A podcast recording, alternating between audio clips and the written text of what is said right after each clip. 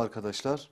Atatürk Üniversitesi Açıköğretim Fakültesi Sosyal Antropoloji dersi 6. ünite ile sizlerle birlikteyiz. Bu ünitenin konusu geçim yöntemleri ve ekonomik sistemlerdir. Geçim yöntemleri ve ekonomik sistemlerin insanlığın geçirmiş olduğu büyük çaplı devrimler ve evreler boyunca şekillenip çeşitlendiği görülmektedir. Tarih boyunca insanlık iki büyük devrim ve üç evreden geçmiştir. Söz konusu iki büyük devrim tarım ve sanayi devrimleridir. İnsanlığın geçmiş olduğu üç evreden birincisi eski taş, yontma taş ya da üretim öncesi evre olarak paleolitik dönem, ikincisi yeni taş, cilali taş ya da üretim evresi olan neolitik dönem, üçüncüsü ise makine, enerji ya da yoğun tarım evresi olan endüstri evresidir. En uzun evre en az 2 milyon yıl süren paleolitik dönemdir. Neolitik evrede hayvanların evcil, evcilleştirilmesi ve tarım devrimi olarak bilinen devrim gerçekleşmiştir. Böylece avcılık ve toplayıcılıktan hayvancılık ve tarıma geçilmiştir. Besin üretilmesi ve tarım devrimi yerleşik bir hayat biçimini gerektirmiştir. Endüstri evresi, tarım devrimini mukabil yaşanan yerleşik hayata geçiş ve artı ürün elde etme gibi gelişmelere paralel olarak ortaya çıkmıştır. İnsanlık, kültürel evrim veya uyarlanma sürecinin her bir aşamasında uzun yıllar harcamıştır. Bu evrim, dünyanın kimi bölgelerinde halen devam etmektedir. Günümüzden 10 bin yıl öncesine kadar dünya üzerindeki bütün insanlar avcı toplayıcı idiler. Bu geçim tarzının esasını doğada hazır bulunan besin kaynaklarının tüketilmesi oluşturur. Günümüzde sayıları az da olsa dünyada yiyecek toplayarak geçimlerini sağlayan topluluklara halen rastlanılmaktadır. Avustralya aborjinleri ve Kanada'nın kuzeydoğusunda yaşayan Inuitler avcı toplayıcı toplum örnekleridir. Avcı toplayıcılar doğada kendilerine sunulanlarla yetinirler ve besinlerini kaynaklarındaki değişime ayak uyduracak şekilde çeşitlendirirler. Her ne kadar yiyecek toplayıcılarının acımasız doğa şartlarında yaşam mücadelesi veren, kötü, zararlı ve kısa hayat yaşayan insanlar oldukları algısı varsa da bazı araştırmalar bu insanların diğerlerinden daha az beslenmediklerini ortaya koymaktadır. Üstelik bu tür toplumlar ya da topluluklar kendi hayatları içinde mutluydular. Yiyecek toplayıcılık kimi gelişmiş sanayi toplumlarında farklı biçimlerde devam etmektedir. Örneğin bazı modern toplumlarda yaşayan evsizler her gün sokaklardan beslenmek için gıda toplamaktadırlar. Bunun yanı sıra ticari amaçlı da olsa balıkçılık halen yiyecek toplayıcılık örneği olarak devam etmektedir. Paleolitik çağın devamında yaklaşık 5000 yıllık geçiş dönemi olan Mezolitik kültürü Neolitik kültür diye adlandırılan tarım kültürü takip eder. Paleolitik ve Mezolitik dönemlerde doğada hazır bulunan hayvan ve bitkilerden yaralanan insanlar Neolitik evrede hayvan ve bitkilerin bazılarını evcilleştirmeyi başarmışlardır. Kısaca avcılık ve toplayıcılığın yerini üretim almaya başlamıştır.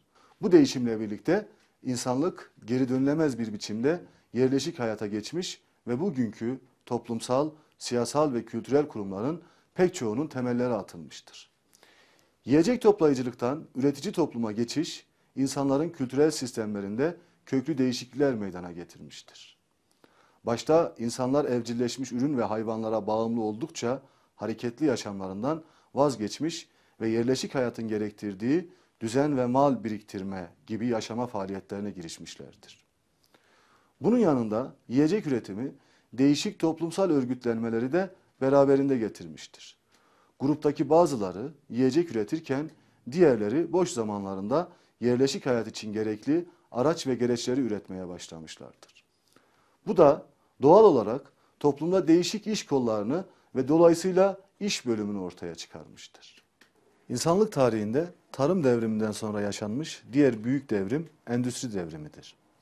Endüstri devrimi insanların organik enerji kaynakları yerine inorganik enerji kaynaklarını kullanarak üretimi tekil ve geçimlik veya düşük artı değer yaratan üretimden seri ve yüksek artık değer yaratan üretime taşıdıkları üretim aşamasıdır.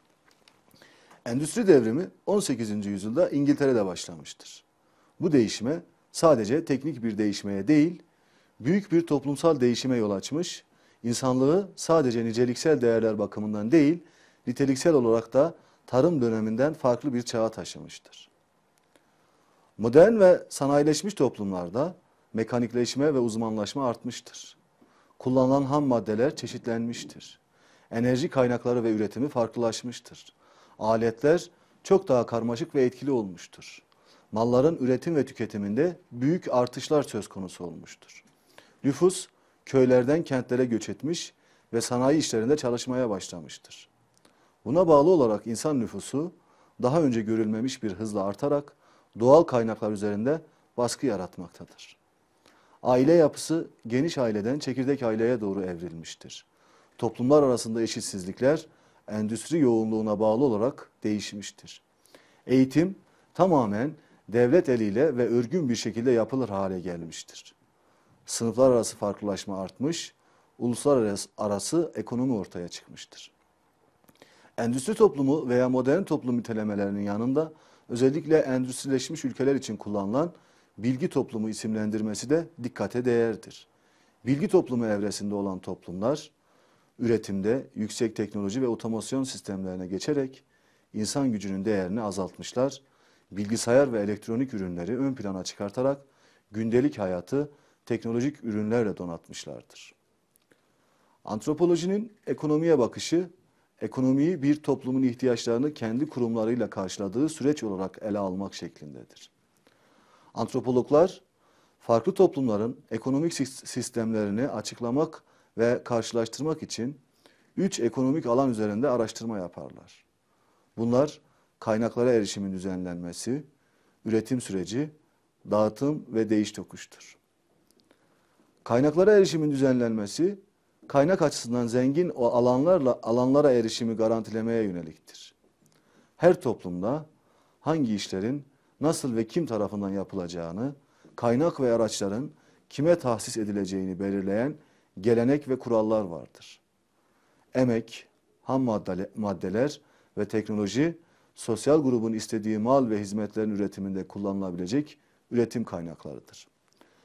Bu kaynakların kullanımı kullanımını belirleyen kurallar kültürün içinde yer alır ve ekonominin işleyiş tarzını belirler. Üretim süreci kısaca kullanıma elverişli mallar üretme stratejilerini kapsar. Üretim süreç ve stratejileri doğal kaynaklar, emek ve sermaye unsurlarını birleştirir. Her toplumun kullanıma elverişli malları üretme ve yeni nesillere aktarmada araçlara ihtiyacı vardır. Toplumun kullandığı araçların türü, sayısı ve bu araçların nasıl üretilip kullanılacağına dair bilgi o toplumun teknolojisini oluşturur. Tüm toplumlar değerli kaynakların dağıtımına ve değiş tokuşuna yönelik düzenlemelere de sahiptirler malların dağıtımını başlıca üç kültürel sistem içinde değerlendirmek mümkündür. Bunlar karşılıklılık, piyasa takası ve yeniden dağıtımdır. Günümüzde ekonomi küreselleşme olgusunun kendisini içinde bulduğu ve küreselleşmenin etkilerinin en çok görüldüğü kurumdur. Küreselleşme, liberal ekonomik düzenin uluslararası bir yansıması olarak nitelendirilebilir. Ekonominin küreselleşmesinden söz ederken sadece serbest ticaretin önündeki ulusal gümrüklerin kaldırılması değil, uluslararası ticaretten küresel ticarete, uluslararası finanstan küresel finansa, uluslararası veya çok uluslu şirketlerden küresel şirketlere dönüşüm kastedilmektedir. Ekonomide küreselleşme süreci devletin ekonomideki yerinin yeniden belirlenmesi tartışmalarında beraberinde getirmektedir. Bu nedenle son yıllarda küreselleşme ile birlikte devletin ekonomide mal ve hizmet üretiminden çekilmesi, sosyal malların üretimine özel sektörün katılımı ile devletin sosyal devlet işlevlerinin sınırlanması talep edilmektedir. Bu talepler devletin ekonomik ve sosyal hayatta daha yoğun bulunduğu gelişmekte olan ülkelerde etkisini daha çok hissettirmektedir. Evet arkadaşlar, bu hafta geçim yöntemleri ve ekonomik sistemler konusunu işledik. Bir sonraki dersimizde görüşmek üzere, hoşçakalın.